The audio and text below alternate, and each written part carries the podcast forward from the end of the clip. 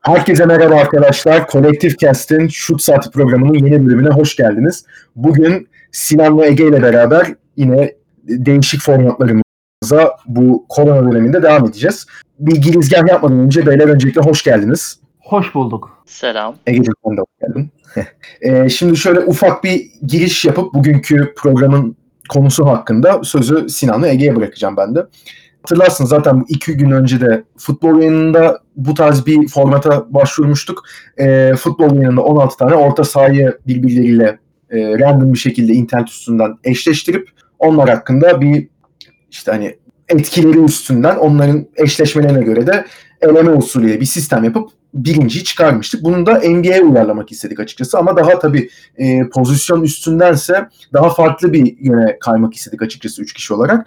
Ve e, özellikle 2000 sonrası hani daha bizim yakın zamanda olan son 20 seneyi kapsayacak şekilde e, belli oyuncuların dominant sezonlarını alma kararını verdik. Ve hani e, bu oyuncuları da aynen futbol yanında yaptığımız gibi yine bir e, playoff sistemi gibi düşünürsek birbirleriyle eşleştirdik. Tamamen random bir şekilde hani internetten yaptık bu eşleştirme. Hani e, ilk burada kendi aramızda bir şey yapmadık. Yani bu adam kazansın o yüzden en kolay eşleşmeleri bunlara verelim gibi bir hani eyyamla yapmadık yani. Ve sonuç olarak 16 tane oyuncu çıkarmış olduk ve o bu oyuncuların e, belli öne çıkan sonuçta dominant oldukları sezonlar var bu sezonlar ışığında da yani bu oyuncuların bu sezonları ışığında da onları karşılaştıracağız. İlk eşleşmeden lafı da çok uzatmadan başlayalım. Ee, ilk eşleşmemizde Derrick Rose'un tarihin en genç MVP'si olduğu 2011 sezonunu aldık. Derrick Rose bu sezonda 25 sayı, 4 rebound ve 7.7 asistle oynamış ve tabii hani MVP'yi almıştı bu sezon sonunda ve o sıralarda özellikle performansıyla tabii hani geleceğin en büyük yıldızlarından biri olarak gösteriliyordu ama tabii sonrasında yaşadığı sakatlıklar onu farklı bir yere getirdi ama o sezonu gerçekten çok özeldi Derrick Rose'un. Derrick Rose'un rakibi olarak da Kevin Durant'in 2014 sezonunu aldık. Burada açıkçası biraz arada kalmıştık. Hani 2019-2018 kısımlarını mı alsak Golden State'deki yoksa 2014'teki MVP olduğu Oklahoma'daki sezonunu mu alsak diye ama e, daha öne daha öne çıkan performansının 32 e, sayı o, o sene NBA'in de skor kralı oldu. 7.5 rebound maç başına ve 5.5 asistle oynadı.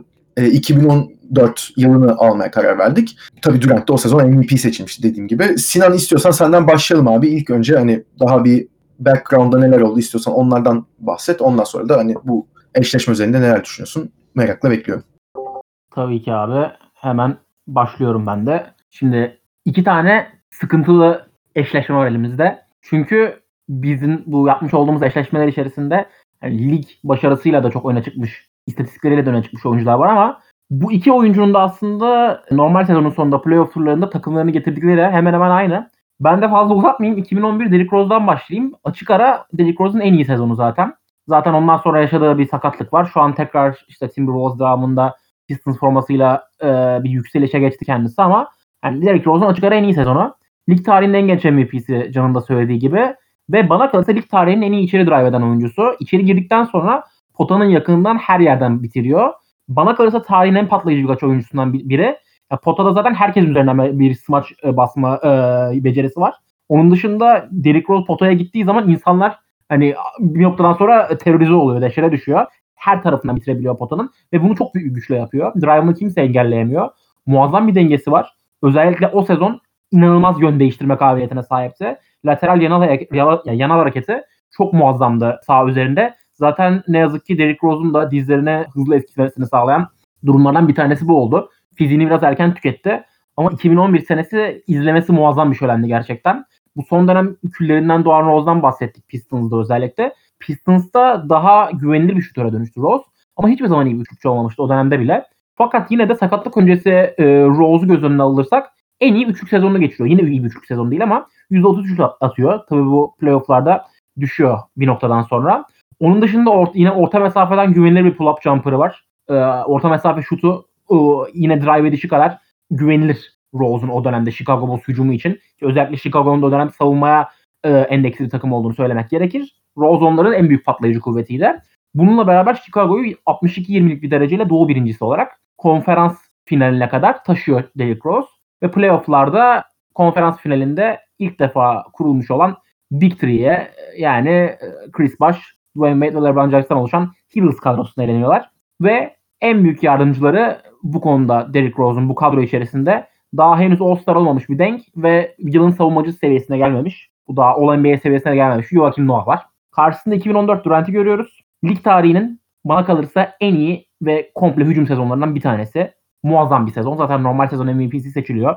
Onun yanında da 32 küsurluk bir sayı ortalamasıyla daha önce de 3 defa sayı kralı olmuştu Durant ama bu sefer tekrardan çok dominant bir şekilde sayı kralı oluyor. Çok komple bir skorer. İnanılmaz bir izolasyon hücumu var. Onun dışında sahanın her yerinden şut sokabiliyor. %39'da üçlük atıyor. Fotoya çok iyi gidiyor. Yani hücumda sorabileceğiniz her şeyi yapıyor Durant. Ve bunları yaparken de 7-0'lık boyuna rağmen yapıyor bunu. İnsanlar o zaman da daha kısa bir oyuncu zannediyordu onu ama normalde bu kadar akıcı bir şekilde şut alamaması lazım bir insanın.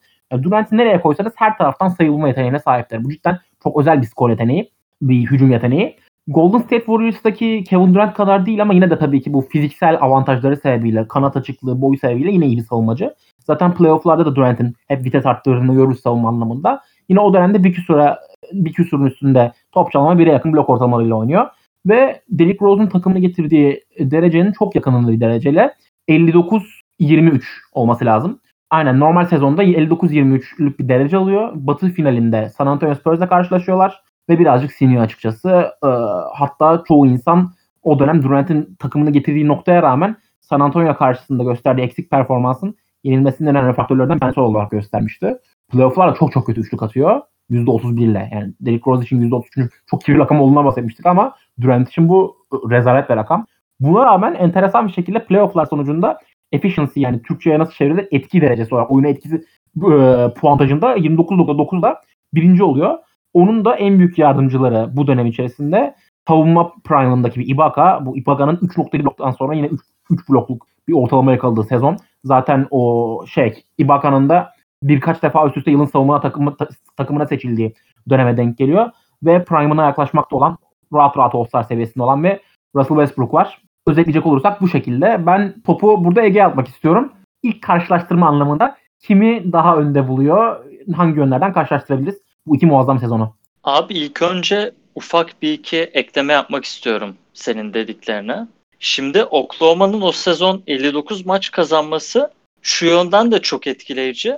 Westbrook sezonun yarısını kaçırmıştı. Ve Westbrook haricinde hani Ibaka işte Derek Fisher, Kendrick Perkins falan gibi oyuncularla 59 maç seviyesine çıkarması Durant'in gerçekten bence çok etkileyici bir özelliği o sene bakımından. Onun haricinde e, şunu da eklemek lazım. San Antonio serisinde evet yani o beklenildiği kadar iyi ve efficient bir seri geçirmemişti. Ancak Ibaka sanırım iki maç yoktu ve onun eksikliğini de bayağı hissetmişlerdi. Onun dışında hani hem fikirizdir ki 2014 San Antonio gerçekten inanılmaz bir takımdı.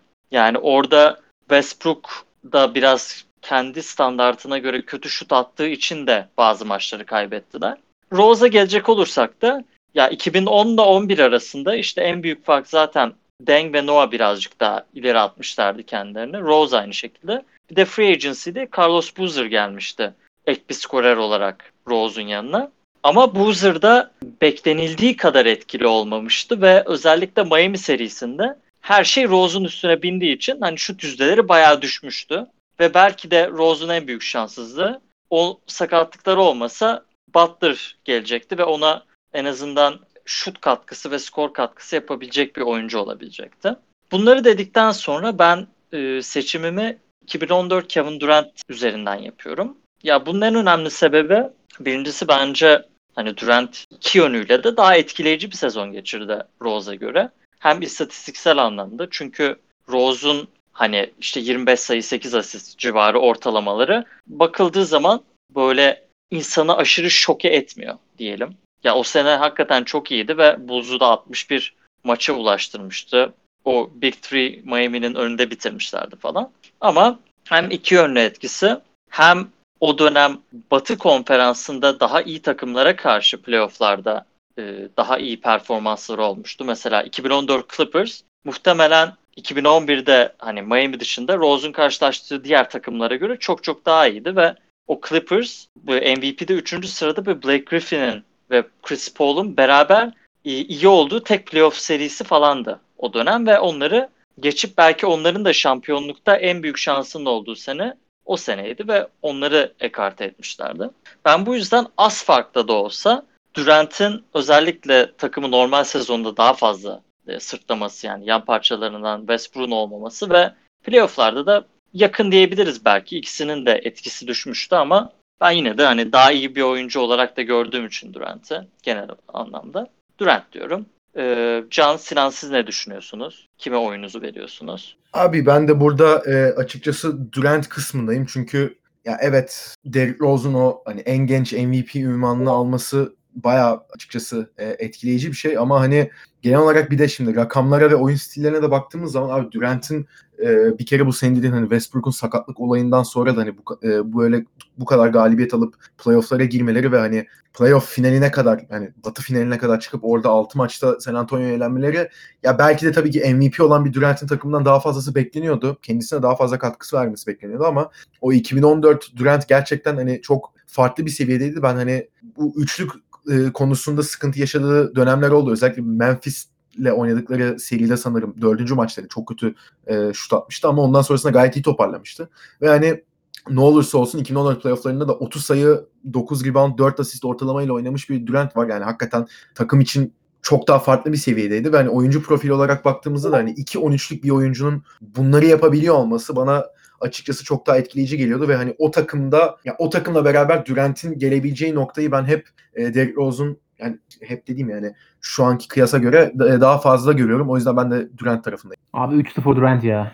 Çok da söyleyebilecek çok yani Rose'u ya o bir de hani hepimizin böyle basketbolu ilk tanıyışı ve devamında basketbolu daha da çok sevişine ilişkin böyle çok kilit karakterler vardır ya işte Tracy McGrady'dir, Derrick Rose'un 2011 sezonu falandır hani böyle daha spor anlamında kendimizi bulduğumuz ve popüler kültürüne işin dahil olduğumuz kısımlar.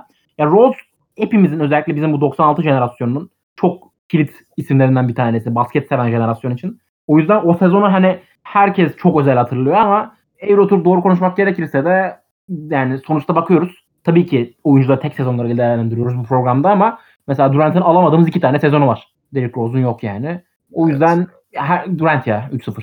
O zaman ilk eşleşmemizden Kevin Durant'in 2014 sezonu galip çıkıyor. Şimdi ikinci eşleşme geçeyim. İkinci eşleşmede 2011 tutku açık var. Ya tutku bir şaka bir yana şey yapayım da. İlk önce Harden'ın 2018 sezonunu aldık ikinci eşleşmenin başında. Yani burada 2018'de olabilir, 2019'da olabilir diye zaten konuşmuştuk. Yani şimdi bir kere James Harden'ın e, 2018'de MVP olmuştu zaten ama ya abuk subuk şeyler yapıyordu gerçekten. Hani zaten bir e, takımı getirdiği nokta özellikle de bu hani 36 sayı ortalamayla bitirdiği sezon zaten hani açık ara NBA'in en skorer oyuncusuydu. Onu geçtim bu e, Chris Paul'un sakat geçirdiği bir dönem vardı Houston'da ve yani sezona da açıkçası çok iyi başlayamamıştı Houston Rockets o sene ama Harden öyle bir döneme girmişti ki özellikle bir iki aylık ki bu arada şeyi de hatırlatmak gerekiyor burada. Hani Chris Paul sakattı. Uzun bir süre kaçırmıştı ama Eric Gordon da sakattı. Hani hatta bir ara galiba Capella sakatlanmıştı. Yani böyle acayip ab- absürt tipler oynuyordu Harden'ın yanında ve Harden hani sürekli 40 atıyordu, 50 atıyordu, 60 atıyordu, tekrar 40 atıyordu. Zaten hani yanlış hatırlamıyorsam o sene 13 kere mi 40'ın üstüne? Yani çok çıktı 40'ın üstüne. Ve hani bir oyuncunun hücumda gelebileceği açıkçası en son noktayı gösterdiği sezonlardan biriydi bence James Harden 2010 8 ve hatta 2019'un da için içine katarak konuşursak yani çok çok farklı bir seviyedeydi bence James Harden o sezonu. Karşısında da rakip olarak Kevin Garnett'in 2004 sezonunu aldık. Kevin Garnett'in 2004 sezonunda onun MVP olduğu sezon ve e, artık zaten hani bir franchise player'dı Minnesota'da ve Minnesota Minnesota ile de artık o hikayesini zaten son dönemlerine yaklaşma trendine girdiği sezonların herhalde başını çeker bu 2004 sezonu. Çok acayip oynamıştı. Zaten kariyerindeki tek MVP ödülünü de orada almıştı Garnett ve o sezonda hani 24.2 sayı, 14 rebound, rebound kralı olarak bitirmiş sezon ve 5 asistle hani açıkçası o dönemde düşündüğümüz zaman hani 4-5 oynayan bir oyuncunun 5 asist yapmasının ne kadar aslında farklı bir durum olabileceğini de akılla e, bulundurmak gerektiğini düşünüyorum ben.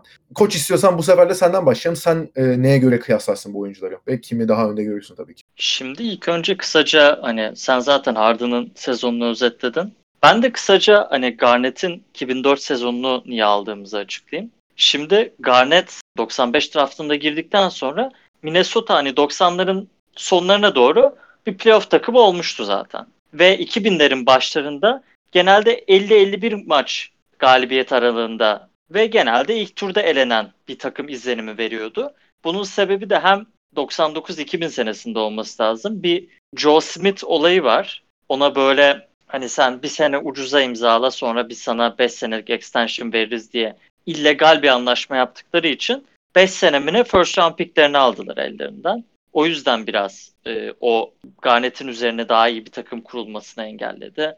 Önceden işte Stephon Marbury ile beraber oynuyorlardı. Onun kendi takımını yönetmek istemesi gibi şeylerden gitmesi falan. 2004 yılına gelindiğinde de Timberwolves iki tane o dönem belki çok ciddiye alınmayan ama o sezonu çok büyük bir şekilde değiştiren iki transfer yaptı. Biri Latrell Sprewell, diğeri de Sam Cassell. Sam Cassell tecrübeli 34 yaşında bir oyun kurucuydu o zaman. Ve işte Houston'ın 94-95 şampiyonluklarında falan önemli bir rol oynamış. Ama hani çok All-Star diye bakılacak bir oyuncu değildi. Sprewell ise 33 yaşındaydı ve özellikle hani son yıllarda çok iyi olmayan Knicks takımlarında yani fena olmayan işte 16-17 sayı bandında veren ama prime'ını 90'ların ortalarında yaşamış bir oyuncuydu. Yine de Garnett'in yanında hani önceden çünkü son yıllarda oynadığı en iyi oyuncular işte Wally Serbiak falandı. Garnett'in yanına yani ortalamanın üstü iki oyuncu verince o sezon Timberwolves gerçekten bir patlama yaşadı ve Batı'da ki inanılmaz kompetitif bir Batı konferansında bu.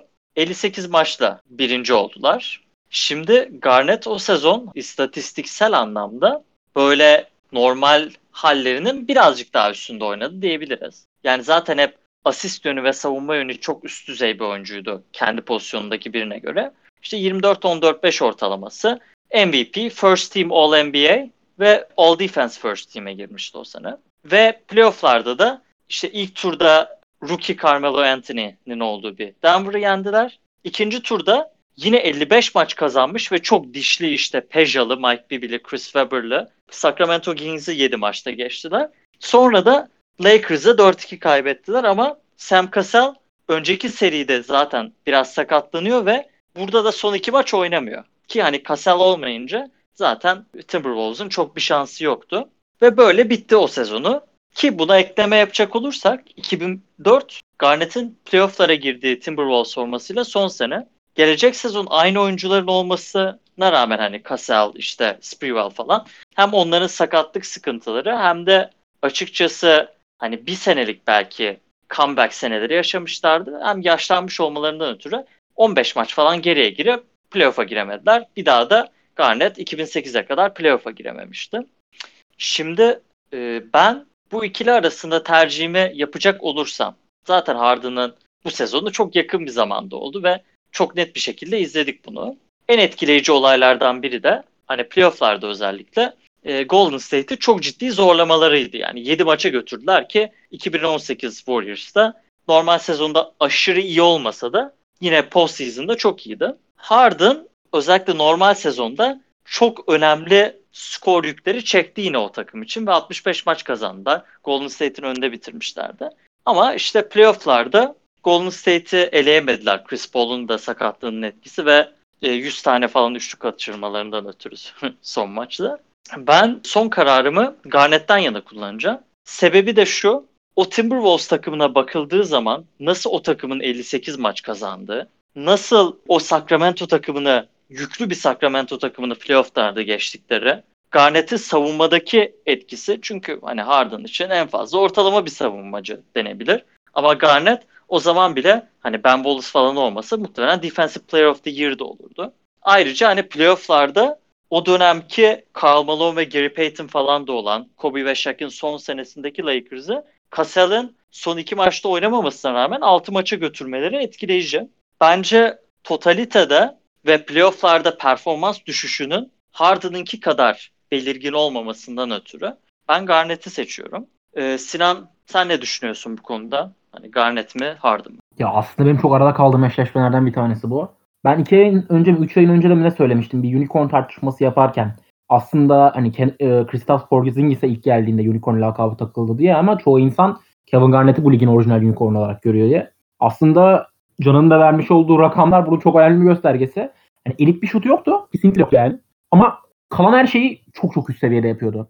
oyun kurma, pas becerisi, savunma, hücum çok çok komple bir oyuncuydu. Ege zaten onun yanındaki yardımcı kasıtan bahsetti. Latrell Sprewell'e bakıyoruz. Latrell Sprewell hani bu Golden State'teki Latrell değil. Çok çok sorunlu bir oyuncu zaten. Atletizmini ve agresifliğini birazcık olsun yitirmiş bir Latrell Sprewell olarak geliyor. Sam Cassell her zaman için tarihinde benim bana göre en azından en underrated oyunculardan bir tanesi. Çok iyi bir general ve Sardan'ın için güvenebileceğiniz bir oyuncu yani. Sağda neyi, sağda neyi ne zaman yapacağı belli bir oyuncu.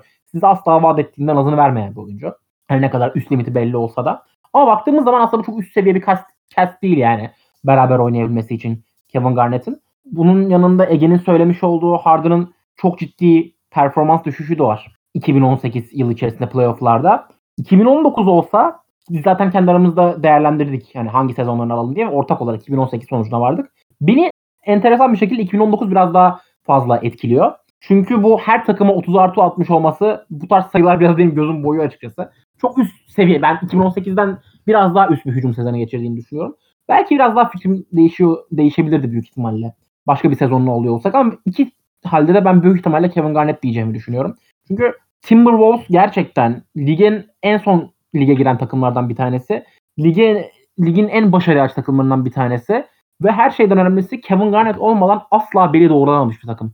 2009'dan beri bu adamlar 11 senedir falan rebuilding yapmaya çalışıyorlar. Takımı yenilemeye çalışıyorlar. Sürekli tanking yapıyorlar. Hani artık son noktada tabii ki bunu geçti ama çok uzun süre yaptılar bunu.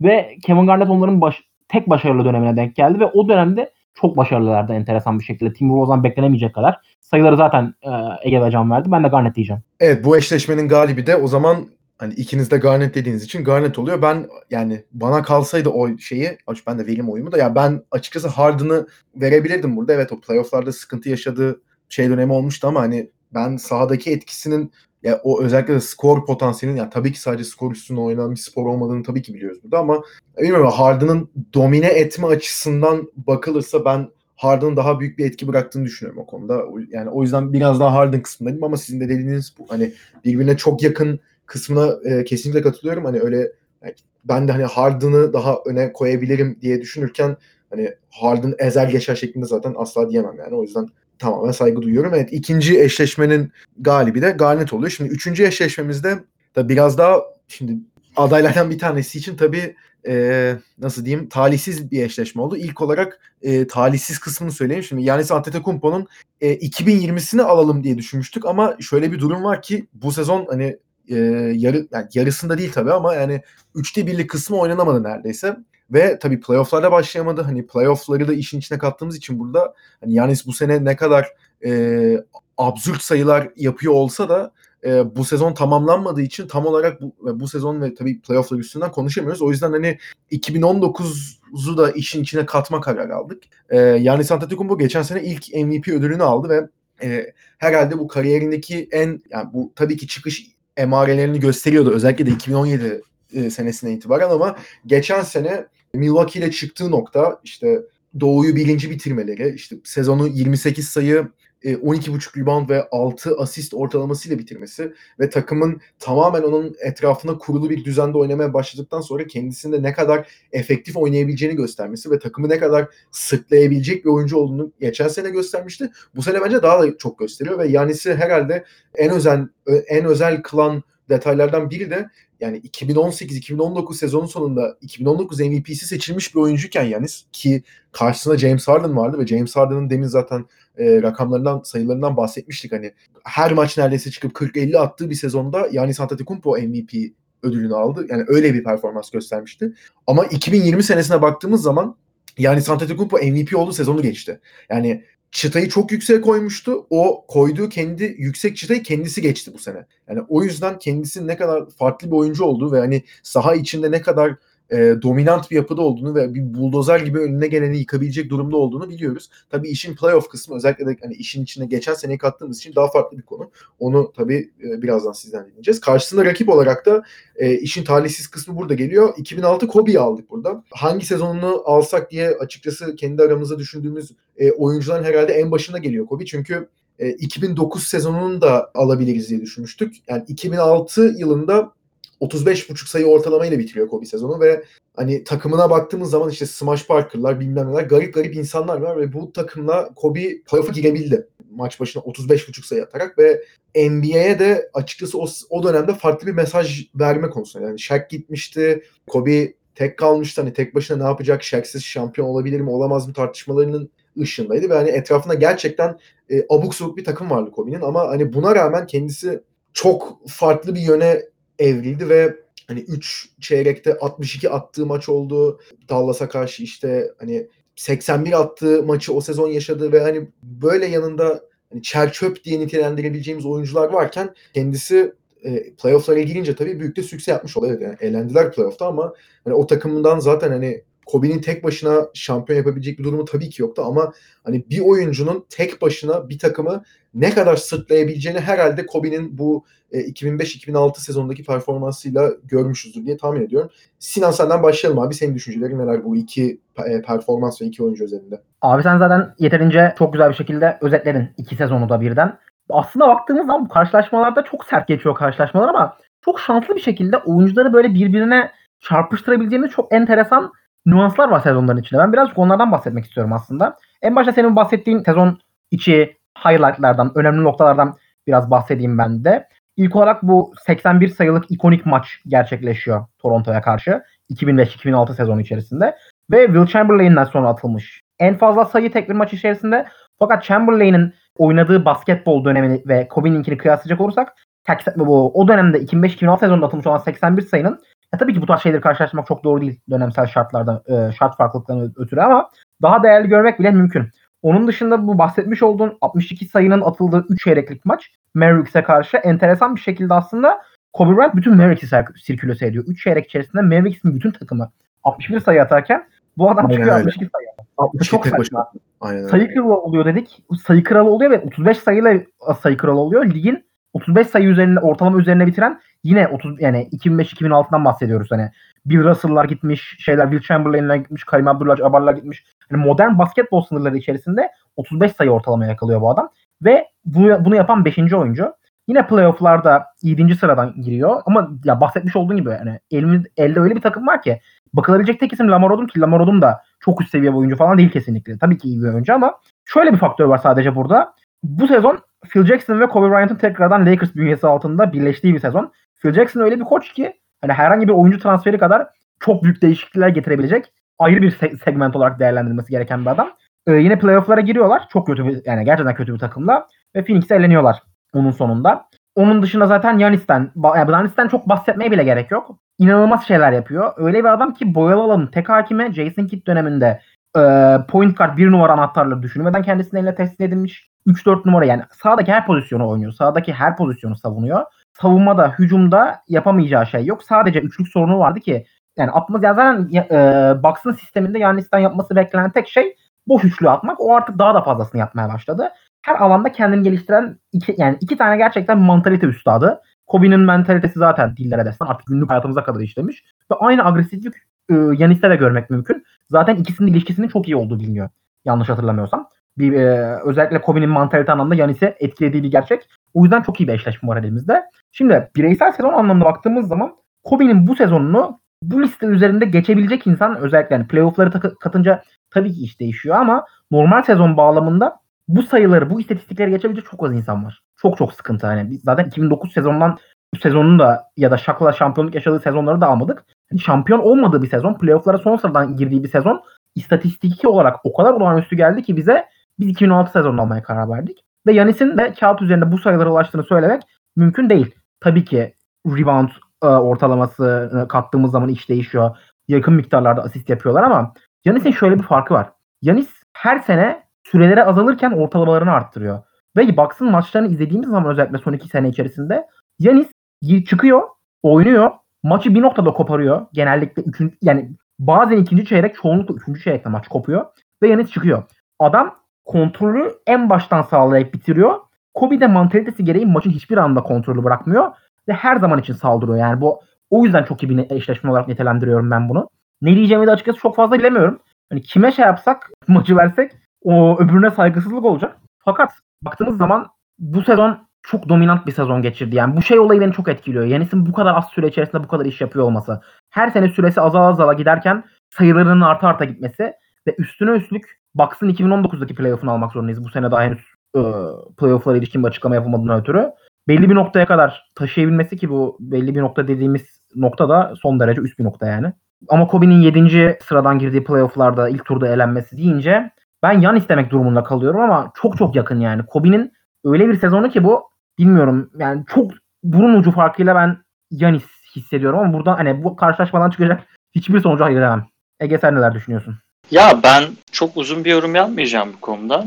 Sadece şunu söyleyebilirim. Eğer hani 2019 normal sezonu ve playoff'u baz alacak olursak hani Bucks normal sezonda çok iyiydi ama bence Yanis beklentilerin altında kaldı. Bucks da öyle playoff'larda. Ama Kobe yani MVP olan bir adamın 60 küsür maç kazanmış takımını 7 maça tek başına götürdü gibi. Ve bunda diğer istatistiklerine ve işte o dönem bu kadar e, hücum yükü taşımasına rağmen ki hani önceki sezonu da onun aslında hayal kırıklığıydı. Biraz bounce back year olarak görülüyordu Kobe için. Hani bu kadar şey yapmasına rağmen aynı zamanda Kobe'nin o sene All Defensive First Team olması da bence çok değerli. Hani Harden'dan bahsediyoruz 36-37 sayı atıyor bu sene diye ama o böyle bir savunma yükünü yani savunmada bu kadar iyi olarak bunu yapmadı. Ben hani Yanis'in de çok özel bir sezon geçirdiğini düşünüyorum bu sene ama hani playoff'ları görmeden de bu ve onu kombinlemek biraz zor geliyor bana. O yüzden ben Kobe'yi seçeceğim. Ki playoff'larda Kobe'nin çok bilindik anları vardı bence. O da beni biraz etkiliyor yani. Hani Yanis bu senede, geçen senede genel olarak çok iyi oynamıştı ama 81'lik 62'lik maçları yoktu. Veya Phoenix'e karşı buzzer beater son saniyesi vardı Kobe'nin. Çok iyi birkaç maçı vardı. Ben daha memorable bir sezon geçirdiğini düşünüyorum ve Kobe. Sen ne düşünüyorsun Can tiebreaker olarak?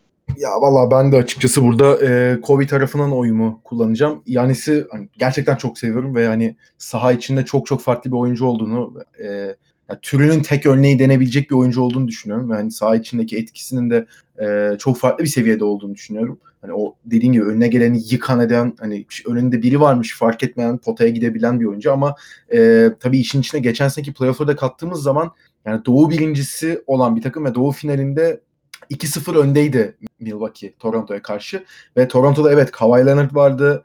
Yani bir takım olgusu oluşmuştu Toronto'da da ama şeyi de unutmamak gerekiyor ki to, e, Toronto'nun bu Philadelphia serisini zaten Kawhi tek başına almıştı. Zaten birazdan Kawhi'ye geleceğiz. Orada e, konuşuruz da yani Milwaukee serisinde de Kawhi tek başına oynuyor gibiydi neredeyse. Hani yanında işte Ibaka'sından, Fred VanVleet'inden, Gasol'ünden, Kyle Lowry'sinden hala istediği katkıyı bulamıyordu Kawhi ve yani onlar da açıkçası o oyuncular da hani serinin son 2-3 e, maçında açılmaya başlamıştı.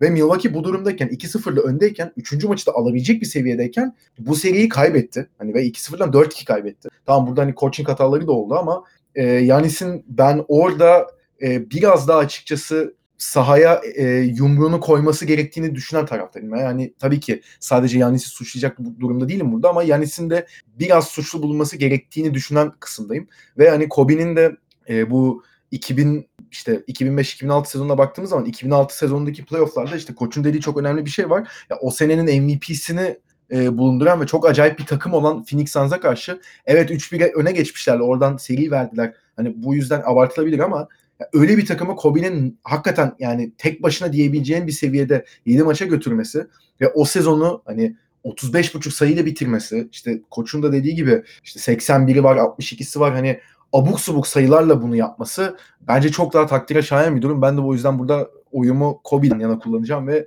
e, bir üst tura Kobe'yi geçireceğim. Şimdi bu eşleşmeyi de bitirmişken önümüzde daha açıkçası hani zaten yakın geçiyor genelde ilk turlar. Yine yakın geçebileceğini düşündüğüm bir e, eşleşme var. İlk olarak Trace McGrady'nin Orlando'da geçildiği 2003 sezonunu aldık burada. Zaten All NBA yaptığı bir sezon ve NBA'in de o sene e, scoring champion'ıydı Tracy McGrady ve hani 32 sayı ortalamayla bitirmişti o sezonu.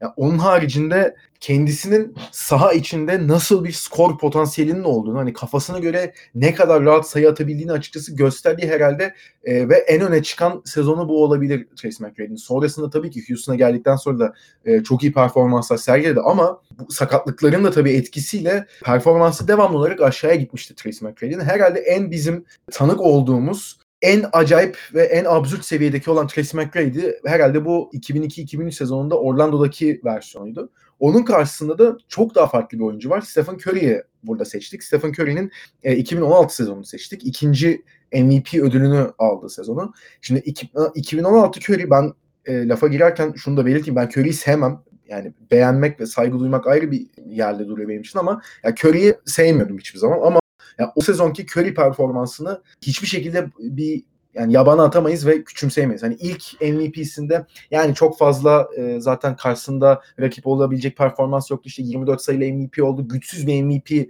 e, tartışmaları yapılıyordu ki onun üstüne de zaten Finals MVP ödülünü de alamamıştı ama 2015-2016 sezonunda zaten hani bu 73 maçlık rekoru kırdıkları sezon da buydu. Yanlış hatırlamıyorsam. Yani 30 sayı ortalamayla oynadı ama şimdi öyle bir durumdaydı ki Stephen Curry. Şimdi yüzde 45 ile yüzde 46 ile üçlük atmış o sezon Curry ve yüzde 91 ile de serbest atış kullanmış. Şimdi bunlar olmaması gereken rakamlar aslında düşündüğümüz zaman. Hani oyunu özellikle şut üst yani en güçlü tarafı e, şutu olan bir kişinin ve maç başına ne kadar çok üçlük kullandığını da biliyoruz. %45 ile 46 ile üçlük atması olmaması gereken bir şey. Ve hani Stephen Curry o sezon akıl almaz şeyler yapmıştı ve hani herhalde e, her oyuncunun performansından belli highlightlar e, sunuyoruz burada. Curry'nin e, o sezon Oklahoma City'ye karşı oynadığı bir maç vardı. E, uzatma sonunda Golden State yenmişti. Maçı bitiren bir basketi vardı. Baya hani orta sahayı geçip 2-3 adım atıp üçlükle bitirmişti. Maçı baya dribbling üstünden. Ve zaten hani, o deplasmanda oynuyordu Golden State. Oklahoma seyircisi, oyuncuları işte e, teknik demesi tepki verememişti duruma. Hani çıt çıkmamıştı salonda. Yani öyle bir şey yapmıştı Curry ve hani o sezonu dediğim gibi hani ben sevmediğim bir oyuncuya herhalde en çok saygı duyduğum andır Curry'nin o yaptığı şey. Tabii o sezon e, 3-1'den finalde Cleveland'da şampiyonluğu vermeleri belki o sezonun üstünü çizdi ama hani Curry'nin MVP performansı gerçekten çok domineydi benim gözümde ve yani 73 maçta rekoru kırmaları da takımca gerçekten çok farklı bir seviyedeydi. Ben burada hani sözü size bırakmadan kendi oyumu söyleyeceğim açıkçası. Hani sonrasında lafı uzatmamak adına. Ben burada hani Curry'nin daha da baskın bir oyuncu olduğunu düşünüyorum. Ve lafı size bırakıyorum burada kıyaslama. Bu arada ben de hani çok lafı uzatmadan Curry'i seçiyorum. Ama McGrady'nin de 2003 sezonuna biraz konteks vermek önemli. Çünkü 2006 Kobe'nin çok benzer bir halini yaşadı. Tek farkı gerçekten McGrady'nin yanında Mike Miller işte 50 maç oynamış. Mike Miller da hani iyi bir oyuncu ama hani çok böyle büyük etki yaratacak bir değil. Grant Hill 30 maç oynamış. Zaten Grant Hill ile T-Mac beraber imzalamışlardı. Dynamic Duo olurlar diye. Ve o sezon hani geri kalan takımın muhtemelen sizin hiç bizim hiç duymadığımız neredeyse 33 yaşında bir Sean Kemp var. 7 sayı ortalamayla oynamış. İşte Drew Gooden'ın çok genç hali var. Ki o da 20 maç falan oynamış. Yani Gordon Giricek 25-27 maç oynamış. Gerçekten felaket ötesi rezalet bir takımı 42 maça taşıyabiliyor. Ve sonra da o sene hani tamam o prime e, Pistons değildi bu çünkü Rashid Wallace falan daha gelmemişti. Ama Pistons da o seneyi yani azımsanmayacak derecede hani one seed olarak zaten hani 50 maçla bitirmişti. Yani tam belki Orlando'dan çok farklı değil. Çünkü 8. sırayla şey arasında ama o zaman hani Billups, Hamilton, Wallace hepsi vardı Detroit'te ve o seriyi 7 maça götürebilmesi de McGrady'nin bence gerçekten e, onun adına çok çok çok büyük bir başarıdır. Ve o seride de efficiency'si falan çok düşmeden oynuyor. Ve yanında Drew Gooden dışında 10 sayının üstünde atan başka kimse yoktu. Yani bu faktörlere rağmen 7 maça götürebilmesi, neredeyse yenmesi çok önemli ama 73 maç, Curry'nin NBA'yi değiştiren sezonu. Yani çok denebilecek fazla bir şey yok. Playoff'larda yani şampiyonluğu getirememesi tabii kara leke o sezonun üstünde ama yani Curry'nin MVP sezonu belki son 20 senenin en iyilerinden biri. O yüzden Steph Curry diyorum ben. Sinan sen ne düşünüyorsun? 3-0 Curry abi. Yani şöyle bir sıkıntı var. Tracy McGrady'nin bu bahsetmiştim Derrick Rose efekti yarattığını bizim jenerasyon üzerinde. O kadar akıcı bir skor vardı ki özellikle bu Houston Rockets karşısındaki performansı o son kaç saniyede 35 saniyede 13 sayımı ne atıyordu. O tarz performansları olsun işte bu 2003 sezonundaki çılgın attığı sezon olsun çok önemli bir sezon. Çok önemli performansları var. Fakat Stephen Curry e, hani hem hücumu değiştirdi hem NBA'deki e, genel algıyı değiştirdi. Basketbol sistemini değiştirdi. Artık takımların hani Atlanta Hawks'a bakıyoruz mesela direkt hani direkt o kadroyu kurmaya peşindeydi son iki seneye kadar ki hala o şekilde bir kadro kurmaya çalışıyorlar. Ve diğer sezonlarına baktığımız zaman da Curry'nin yani 2016 gerçekten daha sonraki sezonlarda Curry'nin oyun olgunluğu artmış olabilir fakat saha hakimiyeti olarak hani bu arada çok enteresan bir voice crack yaşadım. Saha hakimiyeti olarak Saha Abi saha hakimiyeti olarak hani o akıcılık o şey o, o hani sadece zaten hani maça kazanmış gibi çıkıyordu adam. Çok acayip bir seviyedeydi. Özgüveni inanılmaz taptı ve cidden ben ekran karşısında izlerken o kadar kritik anlarda bu kadar soğukkanlı kalmasına çok şaşırıyordum. Hani her şey olması gerek gerektiğimişçesine maçları teker teker kazanıyordu. Aldığı normal sezon derecesi zaten çok üst düzey yani yapacak bir şey yok. Ee, NBA tarihinde birinci yani. Tabii ki Cleveland'da kaybetmiş olmalı bir leke ama yok Stephen Curry abi.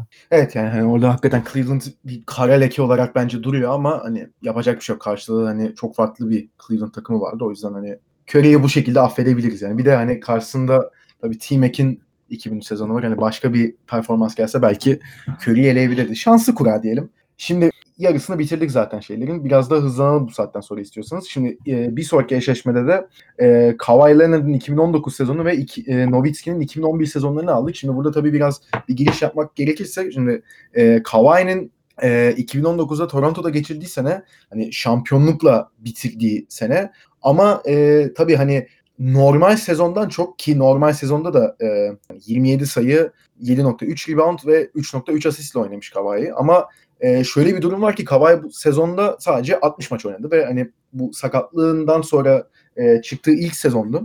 Adam akıllı oynadı ilk sezonda daha doğrusu. San Antonio'da bir önceki sezonda 9 maça çıkmıştı sadece. Ve hani normal sezondan çok açıkçası e, playoff'ta başardıklarıyla e, ön plana çıkmış bir performans ki aslında e, karşısındaki Dirk Nowitzki'den de aynı şekilde bahsedeceğiz muhtemelen. Bu açıdan biraz e, enteresan bir eşleşme olmuş. E, Toronto'ya tabii ilk geldiğinde Kawhi Leonard hani ne değiştirebilir, e, sakatlıktan nasıl dönebilir gibi çok fazla soru işareti vardı ama normal sezonda zaten hani Toronto'ya bir şekilde otur, oturmuş ve Nick Nurse de gayet iyi idare etmişti durumu. Yani idare etmişti den daha iyiydi tabii ki durum ama hani Toronto takımı Kawhi'li de oynamayı, Kawhi'siz de oynamayı öğrenmişti ama Kawhi'nin esas etkisini biz 2009 playofflarında gördük. E, şimdi şampiyonluğa yürüdü Toronto orada ama özellikle hani final serisinde zaten çok iyi oynadı da esas işte burada dikkat çekilmesi gereken konu bir önceki e, iki önceki eşleşmede pardon Yannis'ten bahsederken biraz buna değinmiştim. E, Philadelphia serileri ve Milwaukee serileri Toronto'nun geçirdiği. Şimdi bu iki seride de Kawhi Leonard abuk subuk şeyler yaptı. Özellikle de Philadelphia serisinde zaten hani 4-3 kazandılar. O Kawhi'nin ikonik e, son şutuyla kazandılar seriyi ama ya Kawhi Leonard tek başına resmen boğuştu Philadelphia'da ve hani Philadelphia'da Butler, Embiid, Tobias Harris ve e, Ben Simmons dörtlüsü vardı. Yanındakilerden neredeyse minimal katkıyı aldı Kawhi Leonard ve buna rağmen Toronto o yani önce Philadelphia ondan sonra Milwaukee geçti. Hadi Milwaukee serisinde dediğim gibi son artık 2-3 e, maçta işte Fred VanVleet'in çocuğu doğdu kendine geldi. İşte Lowry uyandı. Gasol biraz daha katkı vermeye başladı falan filan derken takım biraz ayaklanıp öyle girmişti finallere. O momentumla girmişti ama özellikle Philadelphia serisinde yaptığı iş Kawhi'nin gerçekten çok ayrı bir noktadaydı. Karşısında da Dirk Nowitzki var. Hani 2007'deki e, MVP oldu sezonu mu alsak diye düşünmüştük ama 2007'de de hani e, bu MVP ödülünün üstüne gidiyorlar ve e, ilk turda şeye eleniyorlar. E, Golden State Warriors'a eleniyorlar bu We Believe takımına. Ve hatta e, yanlış hatırlamıyorsam Dirk Nowitzki bu ödülü aldığında ilk turlar bitmişti ve e, Batı birincisi Dallas elenmişti ve abuk sabuk bir basın toplantısı yapmıştı o yüzden. Hani yüzü gülmüyordu zaten çok üzgündü. Hani bu yüzden 2010-2011 sezonundaki Dirk Nowitzki'yi e, almak daha aklımıza yattı. Çünkü hani evet sayı ve hani takıma etki olarak belki daha düşük. Yani o 2007 sezonunda 20 yani 25 sayı ortalamayla oynamış. 2010-2011 sezonunda 23 sayıyla oynamış ama e, 2010-2011 sezonunda özellikle işte bu demin Kawhi'de konuştuğumuz gibi playofflarda çok farklı bir seviyeye çıktı Dirk Nowitzki. Hani 28 sayı, 8 rebound, 2.5 asist ortalamasıyla oynuyor. %46 ile üçlük atıyor playofflarda ve %94 ile de free throw atıyor. Şimdi bu zaten hani 21 maçlık e, bir periyotta çok acayip bir şey playofflarda ve hani süper üçlü olarak nitelendirilen Miami takımına karşı finalleri kazanıyor Dirk Nowitzki ve hani evet yanında e, iyi yan parçalar var ama hani Miami'ye e, kıyasla Dallas'ı çok daha zayıf bir kadrosu vardı. E, beyler burada demin koç başlaması Sinan senle başlayalım. Ben e, açıkçası sonra vereceğim oyumu. Abi kor, yine korkunç bir eşleşme ya. Ve yani o kadar yanlışlıkla eşleşmeler, eşleşmeler o kadar güzel olmuş ki çok güzel ortak yanlar var. Bu da aslında iki tane yani Toronto'yu ne kadar underdog sayarız o ayrı. Ben underdog sayıyorum. 2019 sezondaki rakiplerine oran, o, oranına bakınca ama iki tane oyuncunun süper takımları olmadan, iyi takımları var ama süper takımları olmadan takımlarını şampiyonluğa taşıdı. Underdog diyebileceğimiz takımları şampiyonluğa taşıdı. İnanılmaz iki sezon. İkisinde çok farklı hikayeler var zaten. Dirk Nowitzki'den başlayacak olursak sezonun başında işte zaten Tyson Chandler'ı falan oluyor. Yani daha doğrusu şöyle bahsedeyim ben direkt. Yanındaki Cast'ten de bahsedeyim. Can'ın bahsetmiş olduğu gibi Nowitzki'nin en istatistiki anlamda prime sezonu değil. 2007'de MVP aldı sezon ondan daha iyi. Fakat yine All-Star seçildi. Sayıların oldukça iyi oldu. Yine her zamanki gibi o muhteşem e, şut dinamiğiyle çok güzel üçlük attı. 9 maç kaçırdı sadece. Yani şey fazla bir sayı değil zaten. Ve onun devamında da takımını playoff'lara 3. sıradan taşıdığı bir sene. Bu senenin içerisinde yanındaki 3 farklı hatta birden fazla yardımcı oyuncusu var aslında. Sean Murray'in çok önemli bir faktör. Tyson Chandler çok önemli bir faktör. Fakat playoff'larda benim hala unutamadığım bir üçlü guard kombinasyonu performansları var abi. J.J. Barea, Jason Terry artı Jason Kidd. Jason Kidd'in bu artık daha fazla üç, regular, regular bir şekilde üçlük atmaya başladığı dönem. İnanılmaz bir guard kombinasyonuydu. İnanılmaz sürükleyici bir oyun oynuyorlardı. Ve her ne kadar artık All-Star seviyesinden uzaklaşmış oyuncular olmasına rağmen yine iyi bir kadro var Nowitzki'nin yanında. Fakat Nowitzki açık ara bu takımın yıldızıydı yani. Playoff'larda yaptıkları çok acayip. Lakers galibiyetleri var abi. Galibiyetleri değil mi? Lakers serileri var. 4-0. Lakers'ın olan kadrosu. Abi o seri, o seri Abi yani, yani- geldi ya yani acayip bir şeydi o ya. Hakikaten yani ben böyle şaşkınlıkla izlemiştim yani nasıl olabilir böyle bir şey diye ve hani Kobe'nin herhalde yani çaresizlik olarak ben yani o kadar böyle saha içinde olanları anlayamadığı mutlaka başka durumlar olmuştur. O Detroit final serisi falan da. Ha, Kobe'yi herhalde en böyle hakikaten şu an bu sahada ne oluyor diye bakarken gördüğüm en acayip anlardandır. Abi Anlayamadım, kimse- anlayamamış. kimse hiçbir şey anlamadı. Ben de ben hiç beklemiyordum abi. Ben ben bayağı da ben 2007'den 2008'den itibaren cidden hani e, basketbol daha doğrusu aktif bir seyirci olarak izlemeye başladığımdan itibaren ben Dallas taraftarıyım ve hiç öyle bir ümidim yoktu. Abi çok enteresan gerçekten takıma bakıyorsun. Dwight Howard, World Peace, Paul Gasol, Kobe Bryant ve Steve Nash abi takımı dağıttılar bir sene sonra hani. Korkunç bir şeydi abi. Devamında zaten bir final serileri var. Kiddles'ı e, bu bahsetmiş olduğumuz Dwayne Wade, Chris Bosh ve LeBron James'i dağıttıkları. Hatta bir abi dördüncü maç performansı var Dirk Nowitzki'nin. 38 derece ateşle oynadı. Abi inanılmaz şeyler yaptı. Ve cidden son sez, e, dönemler içerisindeki Detroit Pistons'tan sonra bence en underdog galibiyet. En underdog dog NBA şampiyonluğu. Öbür yanda Kawhi var. Kawhi'nin sezonunun da hikayesi acayip. Masai Ujiri gerçekten NBA tarihine geçmesi gereken ve bence çoktan geçmiş olan executive'lerden bir tanesi. Abi çoğu takım şeyi anlamıyor. Herkes gelecekte bazı gelecekte birkaç şampiyonluk alabilme umudu uğruna o sezonlarını hiç ediyor. Hiç başlamıyor, başlatmıyor bazen. Masai Ujiri madem herkes ileriye yönelik e, şey yapıyor, oynuyor. Madem herkes takımlarına yeni yeni kurma ve dizayn etme peşinde. Benim bir şansım varsa şu an var dedi. Ve cidden öyleydi abi. Çünkü artık Kyle ve DeMar DeRozan ikisinden hiçbir şey olmayacaktı. Takas ettiler. Yani playoff'lara çok kötü sonuçlar almışlardı. Kawhi Leonard geldi. Can'ın bahsettiği gibi sakatlık sonrası ne yapacağı hiç belli değildi. İnanılmaz şeyler yaptı. Zaten oyun yapısından bahsetti Toronto Raptors'ın hani Can. Ka Kawhi Leonard ve Ka- Kawhi Leonard'sız şeklinde. Kawhi Leonard olmadığı zaman Toronto kendi basketbolunu oynuyordu. Ama Kawhi Leonard kendi oyununu getirdiği zaman çok acayip şeyler oluyordu. Bu zaten özellikle playoff'ta fayda etti. Çünkü yine Can'ın bahsetmiş olduğu gibi mesela sezonun en büyük ıı, çıkış yapan oyuncularından bir tanesi Fred VanVleet yok oldu playoff'larda bir dönem. Onun dışında diğer oyunculara bakıyoruz. Mark Gasol playoff'larda çok önemli etki etmesi için gelmişti. Gitti geldi, gitti geldi. Onun dışında başka kimler var? Kyle Lowry. Yine Kyle Lowry'nin de çok kaybolduğu dönemler olmuştu playoff'lar içerisinde.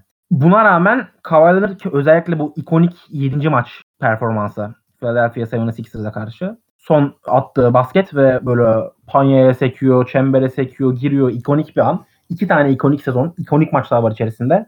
Ben yani ben az çok çıkacak sonucu biliyorum. Üzerinden ama Dallas forma ne yazık ki çıkaramıyorum şu an. Ben de şu an yorum yapmak istemiyorum. Önden bir Ege e, yorumunu yapsın.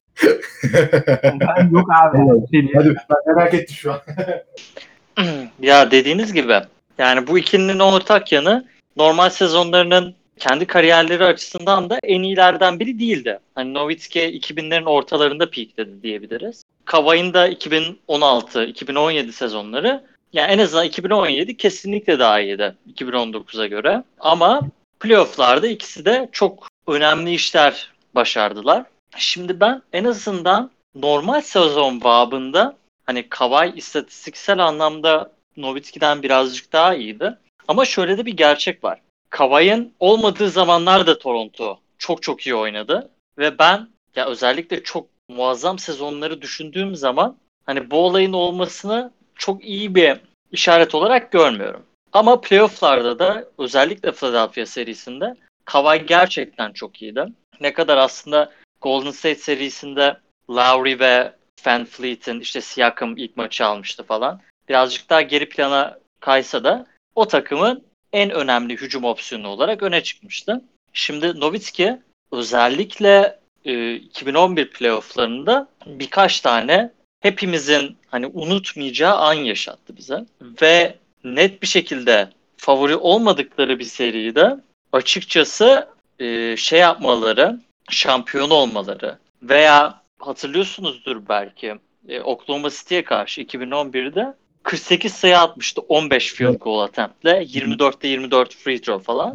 Yani bütün bunları düşündüğüm zaman hani o 2011 Miami bence 2018 Warriors'tan daha iyi bir takımdı. 2019 Warriors'tan. Çünkü hani Durant ve Clay Durant olmadan zaten ne kadar iyiydi belli değildi. Özellikle eski Warriors takımlarına göre derinliği daha kötüydü. Nowitzki de ne kadar yanındaki heriflerden yardım alsa da bence o seride net bir şekilde en dominant oyuncusuydu. Kesinlikle. Ve playofflarda performanslarını gerçekten o yaşında ve yanındaki sınırlı kadroya rağmen yani ki tartışılır hangi kadro daha iyidir kötüdür diye ama e, galibiyete taşımıştı. Şimdi savunmayı tabii Kavay her zaman daha iyi yapıyordu ama e, savunmada da ana adamları genelde Kavay'ı vermediler. Öyle bir ilginç olay da vardı.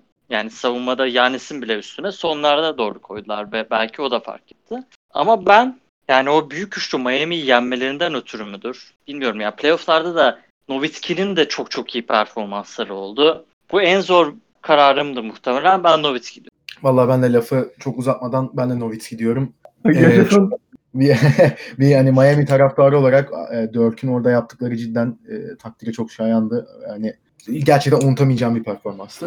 E, bunu da bitirmişken son 3 e, Abi ben ikinizden net kava çıkar diye düşünmüştüm. Abi 3-0 Nowitzki muazzam ya. Nowitzki abi.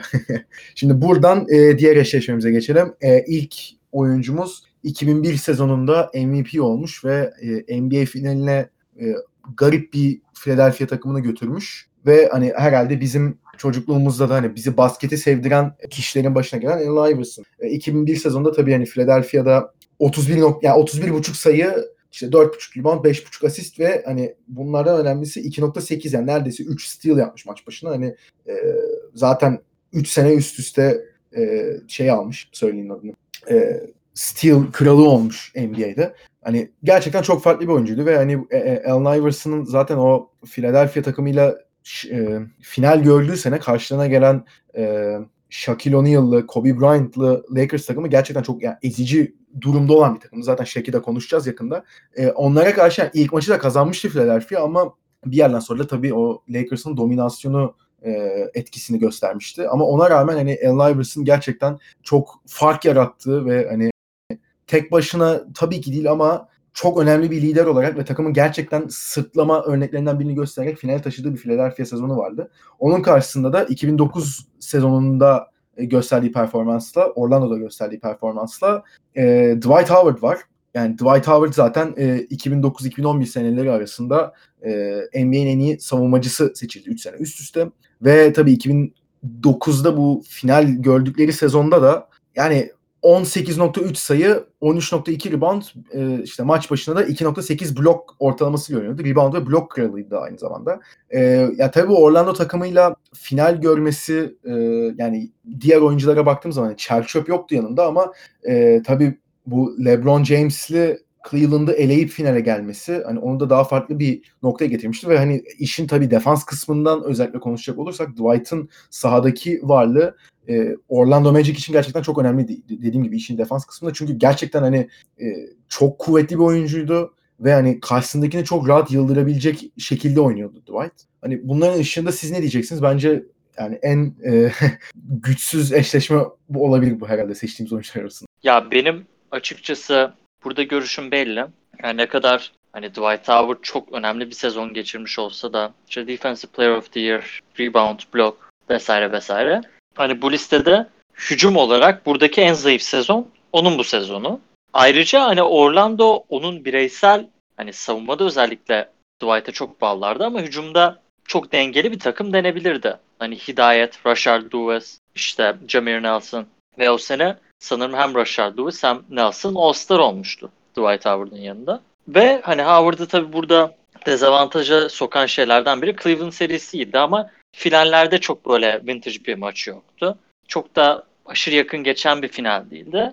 Ayrıca yani diğer oyunculara göre daha tek yönlü domine etti gibi geldi. Yani savunmada daha dominanttı. Ama hücumda yani Cleveland'ı yenme sebepleri de hani özellikle Dwight Howard'ın inanılmaz üst düzey performansından ziyade çok iyi üçlük sokmaları falan gibiydi. Yani bütün sezon zaten öylelerdi ama Dwight ve Orlando işte Cleveland'da karşılaştığı zaman o devam etti. Ayrıca kısaları da bayağı e, fizikli oyunculardı Cleveland'ınkilere göre. Hani Hidayet, Rashard Lewis falan ciddi yapılı oyuncular.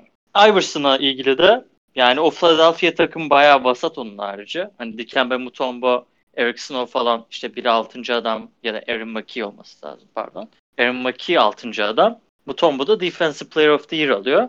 Ee, çok kötü bir doğuda finale çıkıyorlar. Ama 2001 Lakers'ı o sene playofflarda yenen tek takım olmaları bile ve Iverson'ın inanılmaz iyi oynaması o maçta. Ki serinin kalanı çok önemli değil. Zaten belliydi.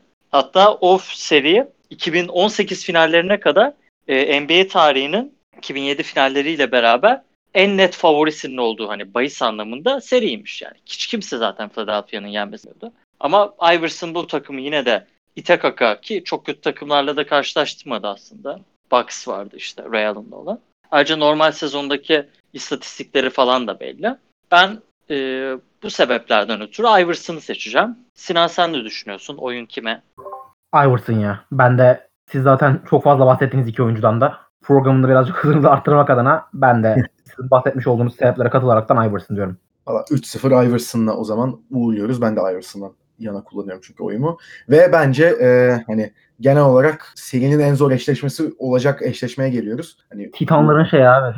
Abi evet, yani ilerideki seriler de şu an belli. Hani onları ne kadar konuşabileceğiz tabii ayrı da. E, yani 2000 Shaq ve ona karşı 2003 Duncan var.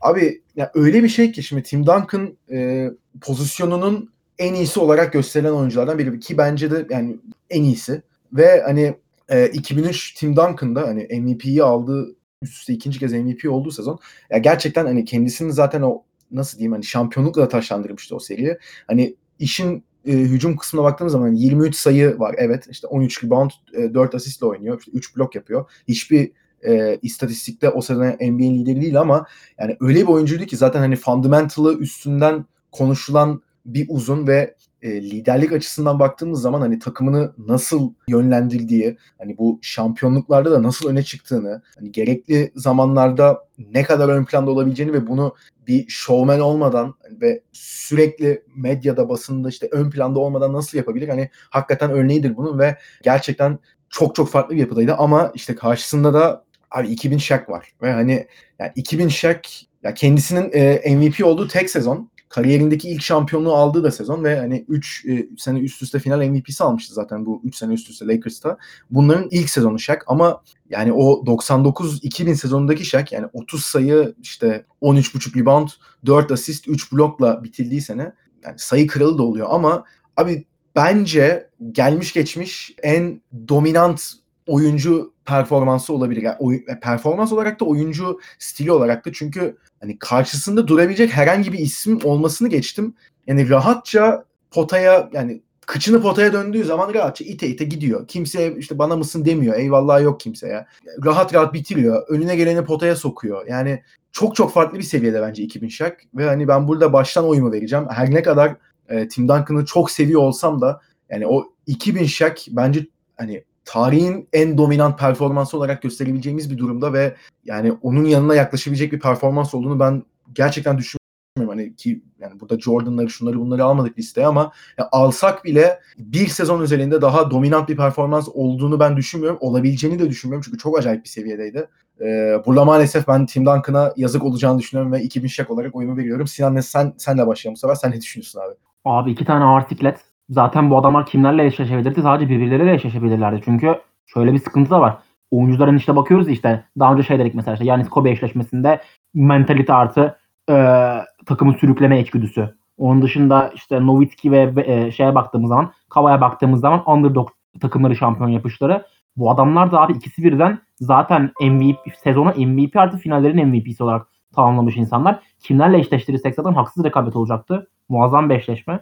Şimdi baktığımız zaman Tim Duncan'ın sezonuna 2003 sezonu aslında bu San Antonio Spurs'un kendi üç, Twin Towers ikili yani sisteminden bu David Robinson'la beraber oluşturdukları ikili. Yavaş yavaş o kendi büyük üçlülerine Tony Parker, Manu Ginobili ve şey e, Tim Duncan olmak üzere bir geçiş sezonu olmasına rağmen Duncan'ın inanılmaz üst seviye e, performansıyla beraber son derece başarılı bir şekilde 2003 sezonu şampiyonu oluyorlar. Ve baktığımız zaman aslında şimdi geçmiş zamandaki sistemden bahsettik. Takım kimin üzerine kurulduğundan. David Robinson, Tim Duncan. David Robinson'ın son sezonu. Çok aslında baktığımız zaman düşük ortalamalarla oynuyor.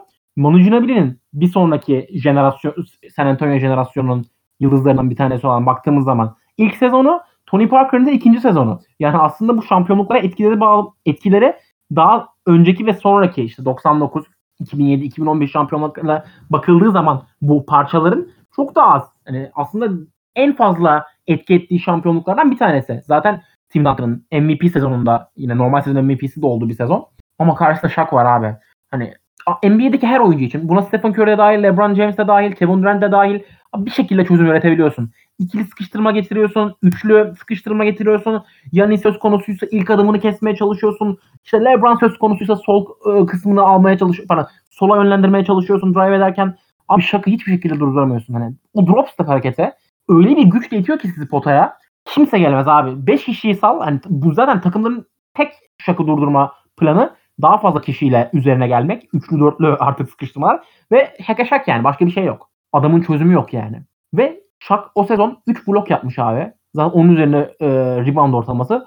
Ve işin enteresan kısmı Şak normalde çok iyi bir savunmacı bile değil abi mesela. O döneme bakıyoruz Alonso Mourning falan. Benim gözümde hani pota savunması anlamında Şak'tan daha üstün seviyede. Ama Şak abi öyle bir varlığı var ki adamın öyle bir cüssesi, öyle bir kuvveti ve mesela Zion'un nasıl bir anomali olduğundan bahsediyoruz sürekli. Abi Şak'ın o boyda dizlerinin yıpranmamış olması, bu kadar üstün bir dominasyon kurmuş olması, bunu çok uzun süreli yapmış olması ve abi 2000'de gerçekten hani kim adamı durdurabilecek hiçbir şey yoktu. Ortalamalarından bahsettik zaten. İki oyuncunun da bireysel performansları çok yakın seviyede. Çünkü hem normal sezondan playoff'larda ligin en iyi, seç en iyi seçilmiş insanlar bu oyuncular. Şaka abi ama yani. Şak, şaka apayrı bir seviyede. Ege sen ne düşünüyorsun? Yani bir Lakers taraftarı olarak Shaq tabii çok ayrı bir oyuncu benim için. Ve 2000 sezonu, işte normal sezonu da özellikle playofflarda da iyi ama normal sezonda Lakers işte 67 maç kazanıyor ve e, Shaq hani savunmada da biraz efor sarf ediyor. O, o dönem e, NBA Defensive All Second Team'e giriyor. Hani çok süper değil ama idare eder. Ve o takım aslında Lakers takımları arasında kadro olarak en iyilerden biri. 2001 veya 2000. Çünkü Glenn Rice da var o takımda. Ne kadar Kobe daha tam Kobe olmasa da hani Glenn Rice da sayı atabilen 15-16 sayı katkı veren bir oyuncuydu. Aynen 3 3 defa All-Star olmuştu yanlış hatırlamıyorsam Glenn Rice. Aynen yani 90'larda olmuştu. Hani 2000'de birazcık prime'ı geçmişti ama yine fena değildi. Şimdi Shaq'ın 2000 e, sezonunu birazcık kötüleştiren olay o kadar iyi normal sezon geçirmiş bir Lakers'ın hani finallere kadar bayağı zorlanması. Finalleri de 6 maçta kazandan ne kadar Shaq tarihin en iyi final performansını gösterse de 38 sayı 17 rebound ortalamalarla. Yani o Lakers gereksiz fazla zorlanmış. Abi şaka gibi ama 2003'te ya. ise e, Duncan bence hani 2000 Lakers'e göre çok çok daha kötü bir takımı 60 maça getirip sonra 2003'te Lakers'da yani Shaq'i ve Kobe'yi bildiğimiz hani tek başına gibi geçip çünkü David Robinson o zaman 100 yaşındaydı ve hiçbir şey yapamıyordu neredeyse. ve e, NBA finallerinin son maçında neredeyse quadruple aslında quadruple double olması gereken ama Abi çok Yani- doğru ya. yani 8 blok sayılıyor ama 10 blok gibi o. Gerçekten inanılmaz bir şekilde bitirmesi o takımı. Ve Duncan için de gerçekten etkileyici ve Duncan hani savunma savunmada daha iyi bir oyuncu Shaq'a göre. Ama tabii şimdi o hücum seviyesi ve finallerdeki dominasyonu, normal sezon etkisi Shaq'i çok hafif farklı. Yani Duncan'a Duncan herhangi birine karşı olsa belki Duncan geçerdi ama Shaq'a karşı ben de önüne koyamıyorum. Shaquille. O'Neal oyun. O zaman son eşleşmemize geçelim. Burada son eşleşmemizde de e, iki tane takım arkadaşı var. Belli bir tabii kariyerinin belli kısmında. İlk önce LeBron'un 2013 Miami sezonu var. E, son MVP olduğu sezon zaten LeBron'un. Ve hani o sezon zaten Miami ile şampiyona bitirmişler tabii. Yani 27 sayı, 8 rebound, 7.3 asistle oynamıştı LeBron ve herhalde bu Cleveland öncesi en o skorerliğini ön plana çıkardığı ve hani durdurulamaz e, seviyeye geldiği sezon olmuştu herhalde ve hani son sezon e, herhalde şey desek de e, çok da abartmış olmayız. Bu normal sezonlarda genelde e, LeBron'un çok öyle hani birinci bitirelim, şunu yapalım, bunu yapalım gibi e, bir özellikle de Cleveland'a geldikten sonra bir ayrı çabası olmadı ama bu özellikle 2012 ve 2013 sezonlarında normal sezonlarda da çok acayip sayılar sayılara ve galibiyet yüzdelerine de ulaşıyordu Miami ki zaten Miami ile bu 2013'te MVP olduğu sezon 27 maçlı bir galibiyet serisi yakalamıştı. Ve 66-16 ile bitirmişti Miami o sezonu. Yani gerçekten çok farklı bir seviyedeydi LeBron o, sene, o senelerde de. Ki playoff'ta da finalde San Antonio Spurs'ı yenmişlerdi 7 maç sonunda. Ve hani e, orada tabii LeBron öncesinde bu 2011'de kaybettiği final yüzünden çok eleştiriliyordu ama 2012 playoff'larında gayet iyi bir seviyedeydi. 2013 playoff'larında da özellikle bu son iki maçında San Antonio serisinin hatta son maçın diyelim çok daha farklı, çok özel bir seviyeye çıktığını görmüştük. Bu son e, 6. maçta işte Ray Allen'ın üçlü attığı maçta ilk 3 periyot batırıyor resmen. Hani felaket durumda. Ondan sonra headband'i bir çıkarıyor. Ondan sonrası zaten çok farklı bir yere gidiyor konunun ve hani LeBron'un bu sezonu gerçekten e, hani örnek olarak gösterilebilecek sezonlardan biri olduğunu düşünüyorum ben. Karşısında da Miami Heat döneminde takım arkadaşı olmuş bir Miami Heat efsanesi var. O da kendisi Dwayne Wade. Yani Dwayne Wade'in açıkçası burada 2006 sezonunu aldık şampiyonluktan dolayı ama çok rahat bir şekilde onun e, 2008-2009 versiyonlarında alabilirdik. Çünkü hani oralarda daha farklı seviyelere çıkmıştı. Yani skor olarak da hani zaten Shaq'ta gittikten sonra iyice bir duraklama dönemine girmişti Miami. Yani 30 sayılara yakın atıyordu ama 2005-2006 sezonunda ki zaten 3. sezon NBA'de yani 27 sayı 5.5 e, rebound ve neredeyse 7 asistle oynamış. Maç başına 2 steal yapmış bir Dwayne Wade'den bahsediyoruz ve hani playoff'larda Shaq, işte Gary Payton, Alonzo Mourning gibi oyuncuların olduğu bir takımda her ne kadar hiçbir prime'ında olmasa da genç yaşına rağmen o takımın liderliğine soyunmuş ve o takımı şampiyonluğa götüren en önemli parça olabilmiş bir Wade'den bahsediyoruz. Ya ikisi bu da açıkçası seçimi çok zor olan e, bir eşleşme. Koç senle başlayalım bu sefer. Ne düşünüyorsun? LeBron. yani çok kısa özeti Miami normal sezonda daha iyiydi LeBron'un Miami'si. Kendisi %56 şutla falan absürt bir efficiency yaşamıştı o sene. 27 maç üst üste kazandılar. Playoff'larda da e, özellikle hani doğudan iyi geçmişlerdi. Finallerde çok zorlandılar evet ama karşılaştıkları takım da gerçekten çok iyiydi. Ve özellikle LeBron'un savunma ve atletizmin, zeka her şeyin peak olduğu senesi 2013'tür. Ve hani Dwayne Wade ne kadar 2006 senesinde şey yapmış olsa da e, hani çok iyi oynamış olsa ve finallerde de özellikle çok iyi mücadele etmiş olsa da 2006 Miami zaten biraz şaibeli bir şekilde kazandı denebilir. Ve o maçları geri dönüp izlerse insanlar özellikle finallerde son iki maç 43 free throw atması absürtlük ötesi bir şeydi. Yani harika bir final serisi oynadı ama birazcık da belki onu kayırdıkları bir seri olmuştu Wade'in ve hani savunma anlamında ve hani normal sezon e, dominasyonu olarak bence LeBron daha gerisinde. Ve ayrıca hani Wade'in bireysel olarak en iyi sezonu da 2006 değil 2009'dur yani Can'ın dediği gibi. Gerçekten o sezon Yani şu benzetmeyi du- duydum bu arada. Belki bunun üstüne bir iki kısa cümle söylersiniz. Michael Jordan'ın en yakın hep Kobe'nin olduğu söylenir tarz olarak. Ama bir podcast'te de şunu duymuştum. Aslında Michael Jordan hani bireysel olarak bir sezonda en çok yaklaşan tarz ve e, oyun yaklaşımı olarak 2009 Dwayne Wade'dir diye. Çünkü savunma olarak da özellikle daha hani blokları daha fazlaydı Kobe'ye göre ve işte oyun tarzı daha az üçlük, daha çok içeri girme, muhtemelen vücut kontrolü birazcık daha iyiydi falan. Hani bu konuda da ne düşündüğünüzü merak ediyorum ama ben 2013 LeBron diyorum. Abi ben Sinan de, sen ne düşünüyorsun abi burada? abi ben de 2013 LeBron diyeceğim ya. ya şöyle Ege'nin bahsetmiş olduğu noktalara zaten tamamen katılıyorum. 2009 daha iyi benzet e, karşılaştırma olabilirdi gerçekten. Ama 2006'daki playoff başarısı ve devamındaki gelen şampiyonluk biraz daha işin dengeleme kısmına da ben yardımcı oluyorum. Yani ben hala 2006 diyorum çünkü playoff başarısı oradaki sonuçta bir şampiyonluk var. Dallas karşısında alınmış. Zaten rövanşı da 2011'de oluyordu. Ama çok da fazla uzatmayayım ben de. Zaten programı bayağı uzattık. Çok fazla konuşuyoruz. Evet. Abi 2000, yani 2013 LeBron diyeyim. Çünkü yanındaki her ne kadar üst seviye desteğe ve takım arkadaşlarına rağmen kurmuş olduğu dominasyon oyunun hem atletizm hem e, mental olgunluk hem de sahaya hükmetme. Artık bu LeBron'un bir de şey oyunun neresinde gaza basacağını bilip neresinde duracağını bilip oyunun zaman yani oyunun hızını tamamen kontrol etme, akışını kontrol etme yetisini o, artık gerçekten göstermeye başladı dönemler bunlar. Ve bahsettiğimiz oyuncu da LeBron James yani. Sadece bir sezonunu alabiliyoruz ama bu, bu adamın bir sürü sezonu bu listenin içerisinde olabilirdi. Ve bu yüzden de 2013 LeBron diyorum ben de.